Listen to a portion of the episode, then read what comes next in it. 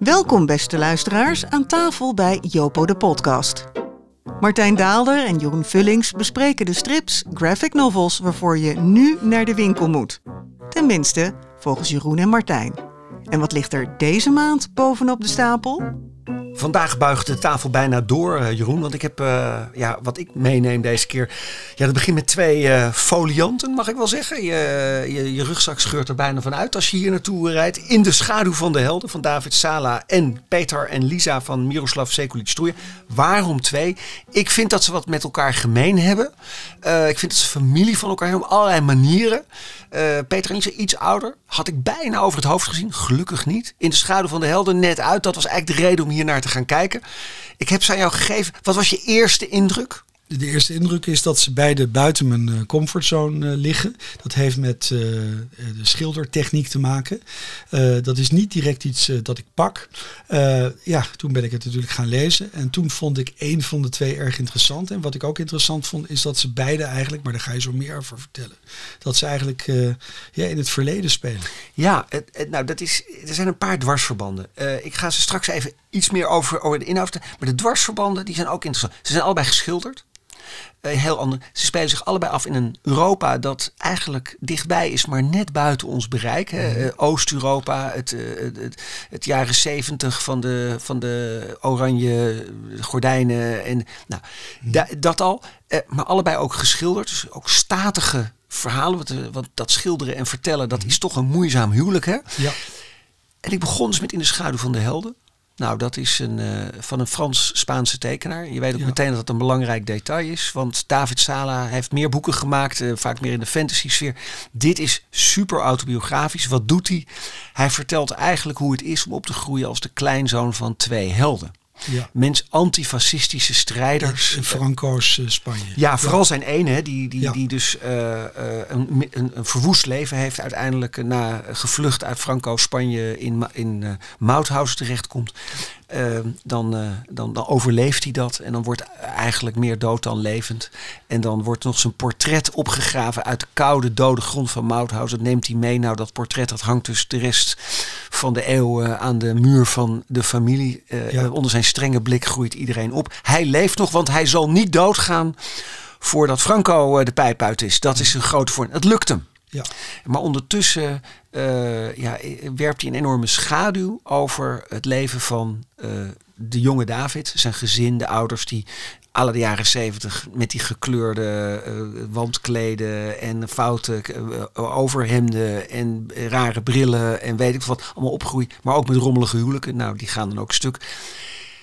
En dan is het wel heel mooi, maar ja, wat, jij, jij, was ook niet echt onder de indruk, hè? Ik, ik ben helaas niet enthousiast, maar dat heeft vooral te maken. Ik, ik zie wel alle artistieke bedoelingen.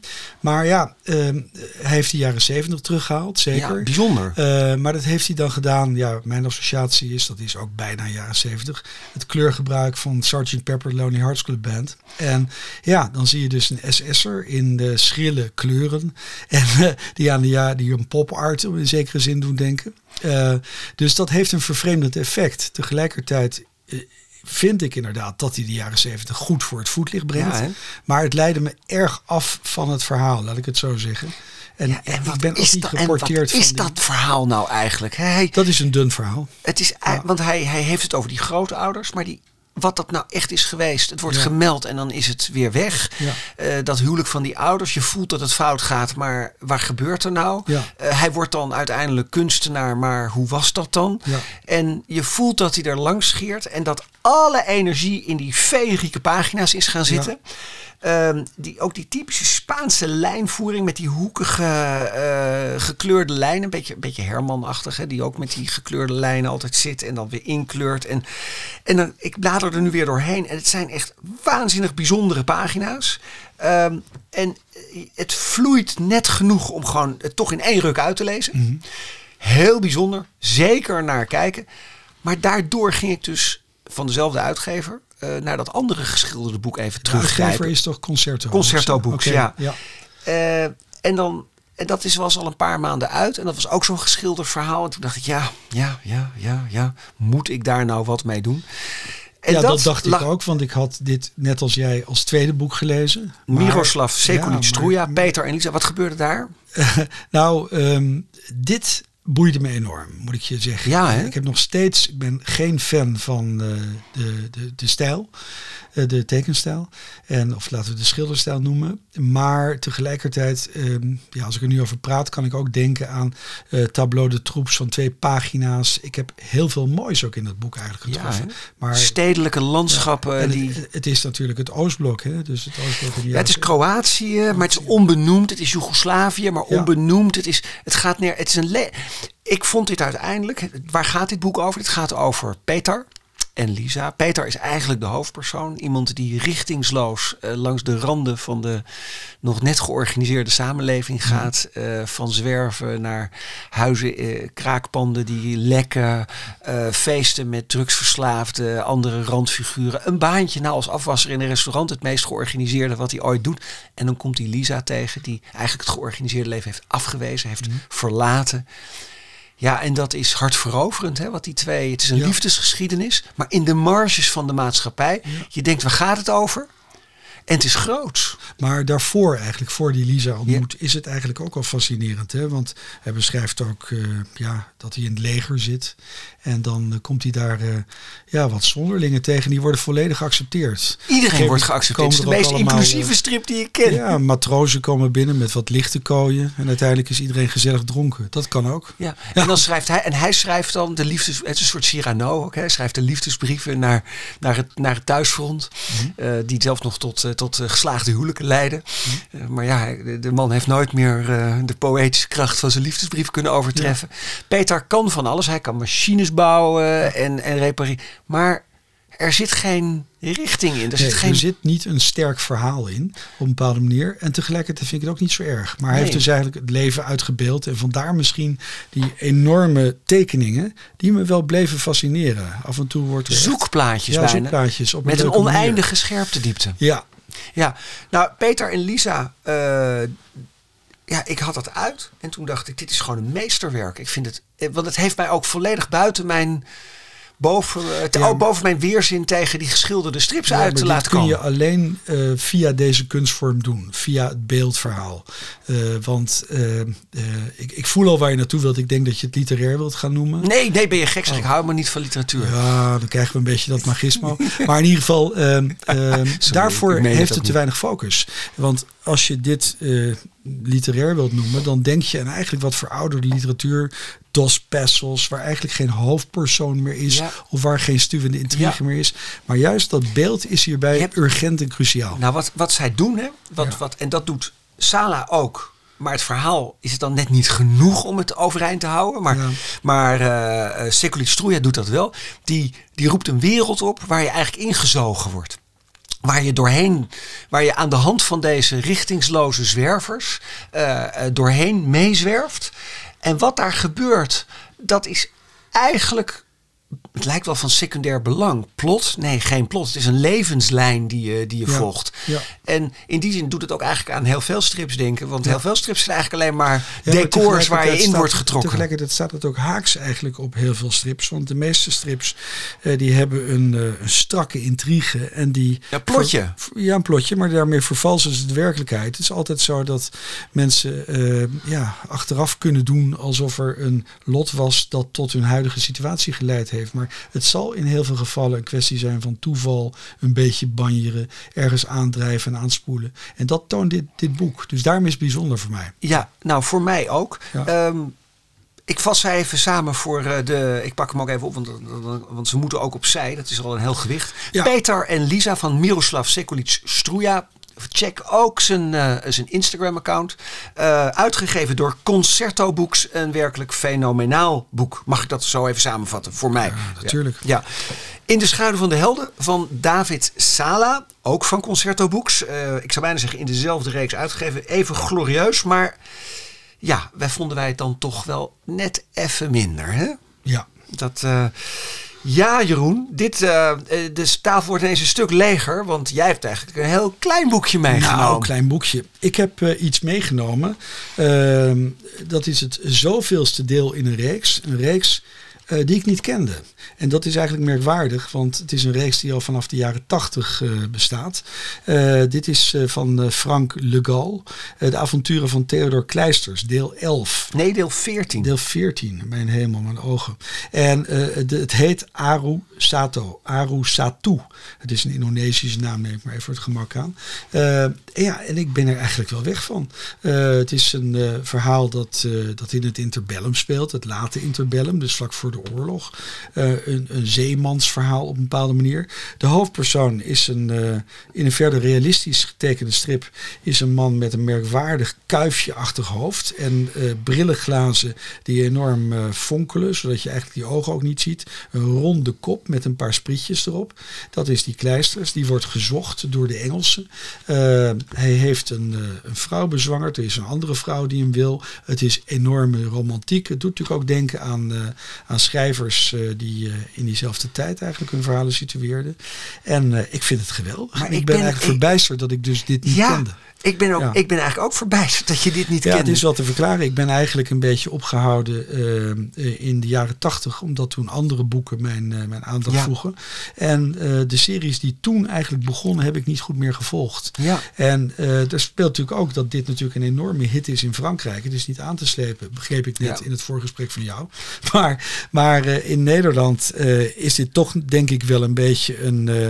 een, een ja, je zou dat een writer's writer of een artist-artist boek kunnen noemen. Terwijl dus, dit zich dus afspeelt in het voormalig uh, Nederlands-Indië ook nog. Hè? Ja, maar natuurlijk wel niet vanuit het puur Nederlandse perspectief. Nee, nee, Al is die naam Kleisters, die doet ons heel vertrouwd aan. Ja. ja. Het doet ons heel vertrouwd aan. Nou, ik ben uh, voor, de, voor de lezertjes die het ook ontgaan was, het zij omdat ze echt veel te jong zijn of omdat ze hinkstapsprongend door de stripgeschiedenis zijn gegaan. Ehm, om, om een indruk te geven, Jeroen, uh, twee weken geleden uh, was ik bij een, een, een tekenaar. Even thuis, even, even kijken wat er, wat er allemaal gebeurde. Dan moet je naam en rugnummer. Uh, nou, Peter van Dongen. Okay. En uh, ja. nou, die liet mij even de nieuwe gepotloode pagina's van Blake Mortimer zien. En dat was hartstikke leuk. Maar hij had nog iets veel leuk. Ja, sorry Peter. Hij had nog iets veel leukers. Hij had namelijk de cahiers die Dupuis in Frankrijk uitgeeft van dit boek. Dus dit boek ja. wordt uitgegeven en daarnaast worden er dus meteen speciale cahiers uitgegeven met potloodstudies en ruwe pagina's en de aquarellen. Want dit is groot nieuws. Frank Le Gall, Theodor Kleisters. Die serie leek een paar ja, een jaar of tien geleden bijna een beetje stil te vallen. Mm -hmm. Komt er nog een nieuwe? Het was ook het gevoel van het verhaal is af. En toen kwam het hortet en stoot het weer op gang. Dat is een, een paar jaar geleden met uh, de, de, de, het, het, verhaal over de amok was dat. Uh, en de jaloezieën waar, waarin uh, Kleisters, die is dan geland op een, als, als zeeman op zo'n eilandje waar hij een plantage heeft. Nou, die serie die begint dus ergens eind jaren 80, begin jaren 90 wil ik vanaf zijn. Uh, in een klein uh, kantoortje in België. Want daar zit Kleisters, dus, of in Noord-Frankrijk, dat weet ik niet eens meer. Maar daar zit hij, daar droomt hij van een zeemansleven. Het is, voor mij is het echt Conrad. Hè? Dus de, dit. En, en Kleisters wordt dan, die wil eigenlijk alleen maar op avontuur. Maar hij leeft in saaie West, West-Vlaamse sferen. En hij wil weg. Hij moet weg met zijn kale koppie en zijn kuifje. En dat lukt hem. En dan uh, uh, wordt hij gevolgd door een, uh, door een merkwaardige figuur, Bartholomew, Bartholomew Vrijdag. En die, die gaan dan, dat is eigenlijk zijn lot. Die gaat met hem mee. Die, die verdwarsboomt hem. Die, die stuurt alles in de war. Die, nou, die doet de raarste dingen, waardoor Kleister steeds meer in de problemen raakt. Dat gaat zo, ja, we gaan naar Nederlands-Indië, er worden piraten, er komen mailboten met uh, moordmysteries.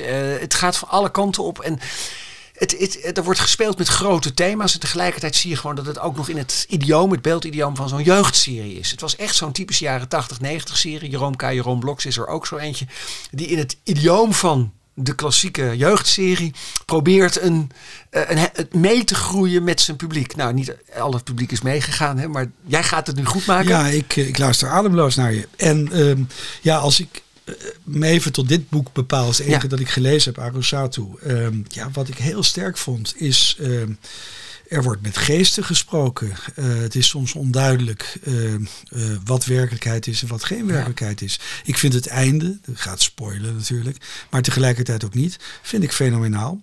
Want ja, het einde is dat hij weer gaat varen. Want Ja. dat wil hij. En hij laat dus iedereen achter die eigenlijk van belang zou moeten zijn in zijn leven. Want hij wil zich niet hechten. Het is Ja. ook natuurlijk enorme romantiek. En tegelijkertijd door dat weggaan, en dat is het knappe. En door die werelden die vermengd worden, de geestenwereld en de werkelijkheid, is het een einde dat eigenlijk uitnodigt tot weer een nieuw deel, tot deel 15. Nou, dat, gaat, dus dat gaat er. Nou, ik weet vrijwel zeker dat er komt. Het gekke is dat het. Eh, En ik, begrijp Van Dongen trouwens wel hoor. Ik, eh, dit is typisch zo'n serie waar je zo enthousiast over wordt. Ik zie natuurlijk ook raakvlakken met Van Dongen's eigen werk. Ja, ja, zeker. Maar eh, ik begrijp dat donders goed dat je daar eh, mooie edities van wilt hebben en, en Ja. bijzondere uitgaven. Nou, het Ja. is een, eh, ehm, eh, dit, dit is een, een grootse serie, vind ik. Eh, niet het beste deel. Met name zijn vrouwen, de manier waarop hij vrouwen tekent en de, hoe de inkleuring dan soms gebrek aan diepte geeft, denk ik, ai, ai, ai, jongens, je wordt ook een dagje ouder, die, die Frank Legal. Gelukkig is hij er nog. Ja. Ehm, als ga, ga je nou die eerste dertien delen ook lezen? Ja, ik vermoed dat ik wel aangewezen zal zijn op de Franse edities. Want eh, ik eh, weet niet of ze nu makkelijk nog te krijgen zijn. Dan gaan we, gaan we samen voor, voor zo. Want het kan niet zijn dat jij een rooftocht. hebt. Ja. ja. het kan Ja. niet zijn dat jij, dat jij een boekenkast hebt Nee, waar, ben- eh, waar nee. Theodor Kleisters ontbreekt. Ja, maar ik vind dat echt, echt een aanwinst. Nou, Ja. dit is heel bijzonder. Ehm, Frank Legal, De avonturen van Theodor Kleisters, deel 14. Aro Satu. ehm, van Dupuis. Eh, ja, gaat dat zien, gaat dat kopen. Ja, dit is een. een ik ben blij dat het nu uitkomt, zodat we er even goed aandacht aan konden, aan konden geven. Misschien niet het beste deel, maar godzijdank is het er. Ja. Dus deel 14 van eh, eh, Theodor Kleisters. En dat. eh, ja, we hebben meer meegenomen. Moeten we ook eventjes door, maar wel wat korter. Hè? We gaan eventjes beginnen met, met ja, de tussendoortjes. Of gewoon wat we belangrijk vinden. Ja. Ja, ik heb hier de Magnifique Monet liggen van Luc Komheken.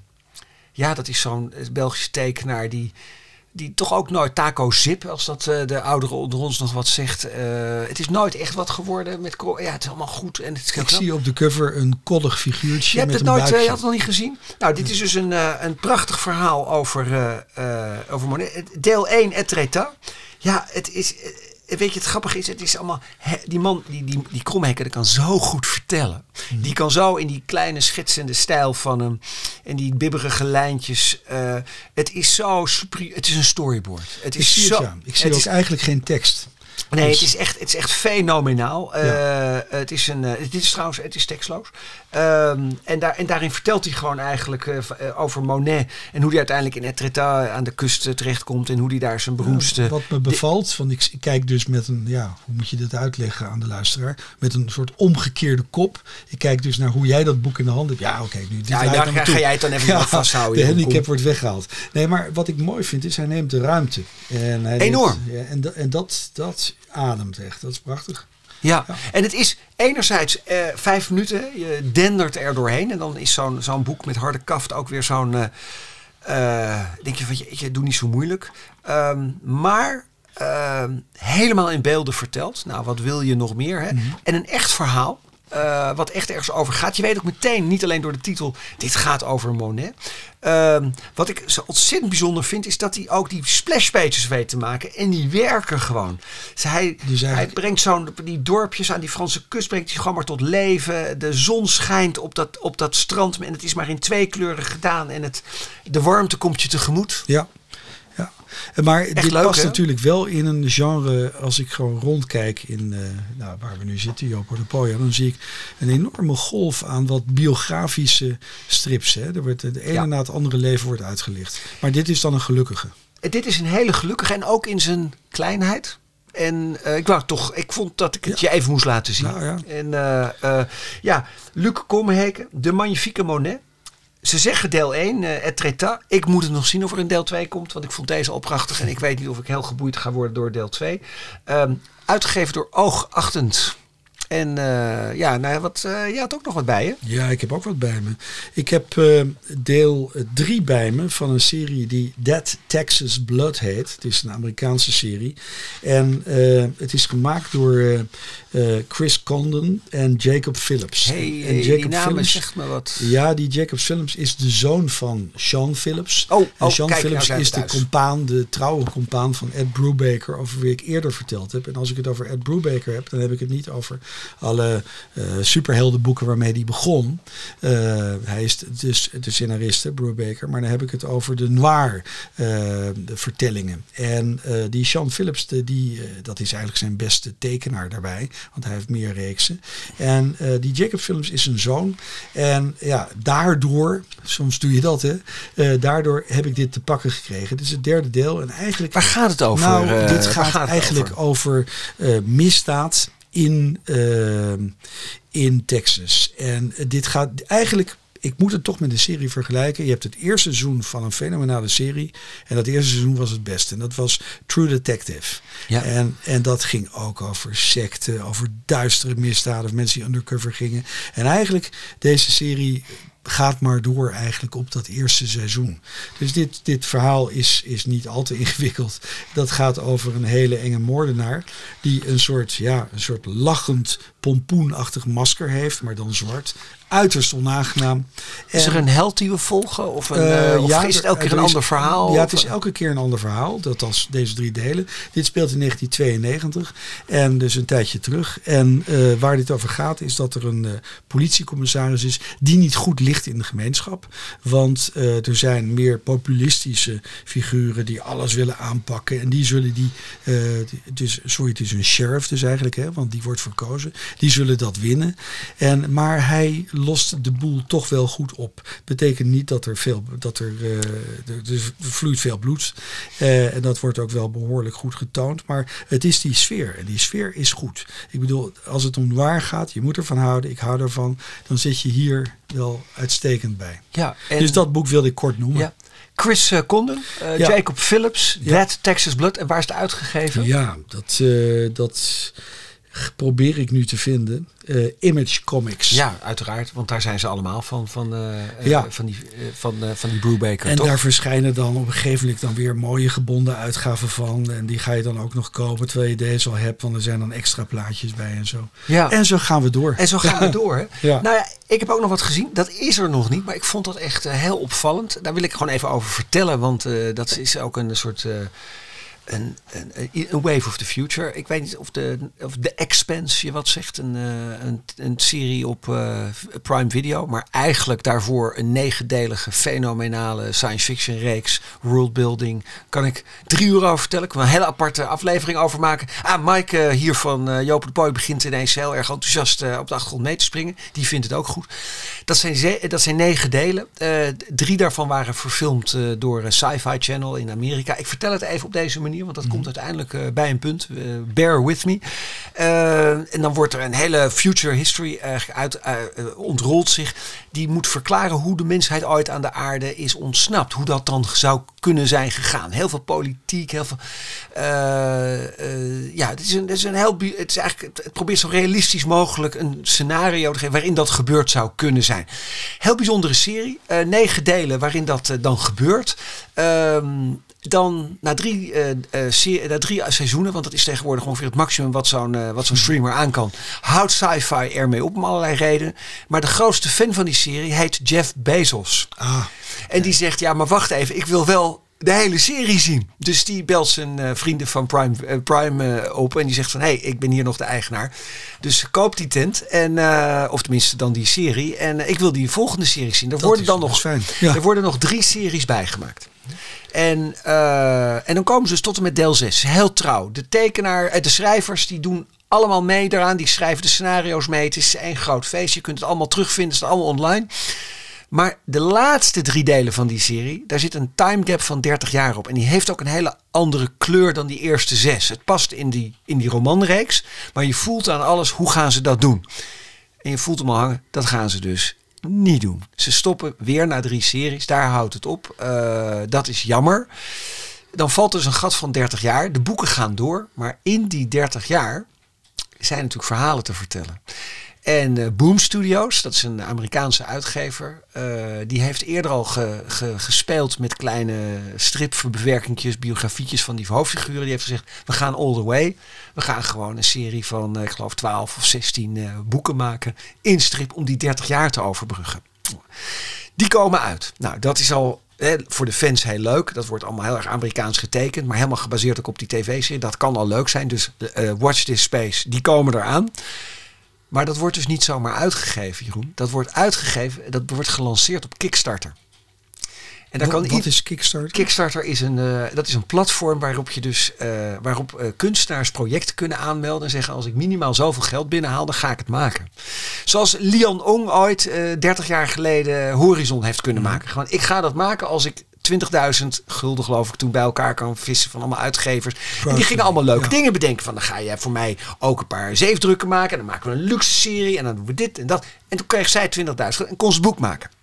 En dat had ze allemaal zelf bedacht. Maar Kickstarter heeft dat in Amerika gewoon tot een model verheven. Dus het wordt daar aangemeld. En toen zeiden ze, als we 30.000 of 40.000 dollar binnenhalen, dan gaan we het maken. Maar eigenlijk is dat helemaal niet wat ze vragen. Want dan ga je op die pagina en dan zijn er dus 84 verschillende edities. Je kunt namelijk de dingen elektronisch krijgen. Je kunt ze in druk en elektronisch krijgen. Je kunt ze met een aparte cover krijgen. Je kunt ze apart in een cassettetje krijgen. Je kunt ze gebundeld krijgen met een harde kaft. Je kunt ze, je kunt ze krijgen met een gebundelde, met een, uh, een met een replica van een van, de, uh, van een van de ruimteschepen. Je kunt ze met alle ruimteschepen als replica. Je kunt ze met een titanium logo erop krijgen. Sommige zijn al uitverkocht. Ik ben ervan overtuigd dat die nooit te koop zijn geweest. Alleen maar om jou gek te maken dat je sommige dingen al niet meer kan krijgen. en het eindigt dus met en het eindigt dus met de meest bijzondere. Er is nog geen, geen boek uitgegeven waar je nu al 20.000 dollar kan bieden op de meest nou ja, exclusieve met. Uh, nou ja, ik geloof dat ze dan ook een nachtje bij je komen logeren, die tekenaar. En die, afschuwelijk. Afschuwelijk. Ja. Het is afgrijzelijk.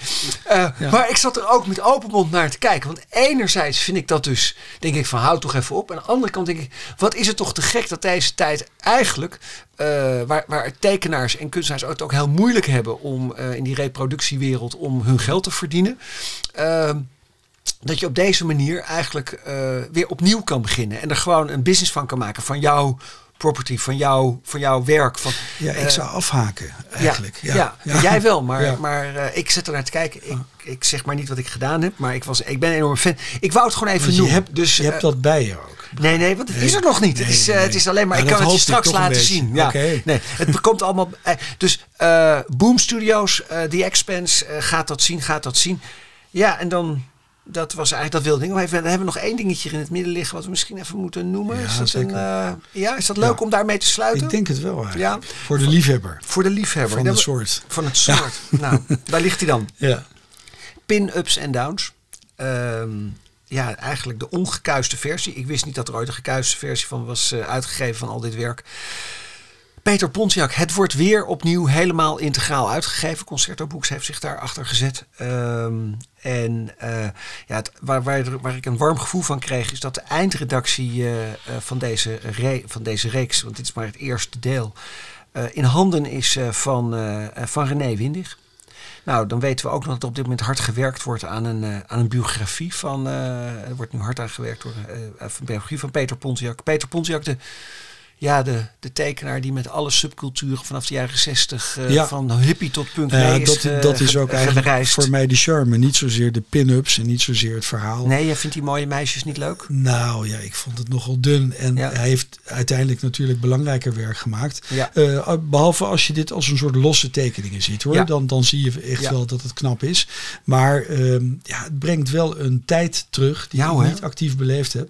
Dus zo oud ben ik ook weer niet. Maar maar uh, dus dat vond ik wel mooi. En ik vind het ook een mooi eerbetoon eigenlijk ja. hoor, dat dit gebeurt. Nou, ik, uh, um, ik lees het door. Ik krijg er een ontzettend warm gevoel. Precies wat jij zegt. Het brengt mij terug bij een tijd. Er gaan ongetwijfeld nu ook boeken komen met onze rock'n'roll tekeningen. Ja. Er gaan boeken komen. Ik hoop dat Requiem Fortissimo, uh, het enige mm. echt complete lange verhaal dat hij ooit gemaakt heeft, nog een keer mooi wordt uitgegeven. Um, ik, uh, um, het, het, is eigenlijk het begin van een catalogus. Zo voelt het een ja. beetje.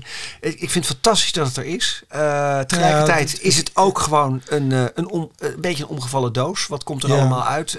dan thematisch. Hè, want dit, hier staat op elke pagina staan er mooie meisjes. Um, ik, uh... nou, het eert ook gewoon uh, ja, om het maar heel chauvinistisch te zeggen, onze eigen Nederlandse talenten.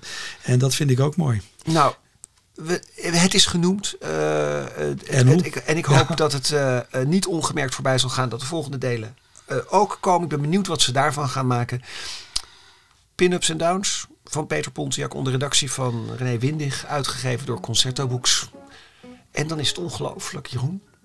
We zijn er doorheen. We hebben die hele stapel weggewerkt. Ja, ja, ja, en dat ging toch tamelijk rap. Ja, hoe lang hebben we daar... Nou weet je, dat geeft ons in elk geval de tijd om eventjes uh, Mark en Mike te ja, bedanken. Die, die behoorlijk benauwd keken vanwege dat gewicht op die tafel. Ja. Uh, dat uh, voor de gastvrijheid in Jopo de Pojo, waar wij wederom te gast mochten zijn. En Mark Brouwer, die de productie en de regie en ons regelmatig ook even bij de les houdt. Nou, en Megan, die, die de social media voor ons beheert. Hebben ze dan allemaal gehad? Ja, volgens mij wel. Ik kan jou nog bedanken, maar en we zien elkaar de volgende keer ja, weer. volgende keer weer. Oké, okay. okay. dan laten we het bij.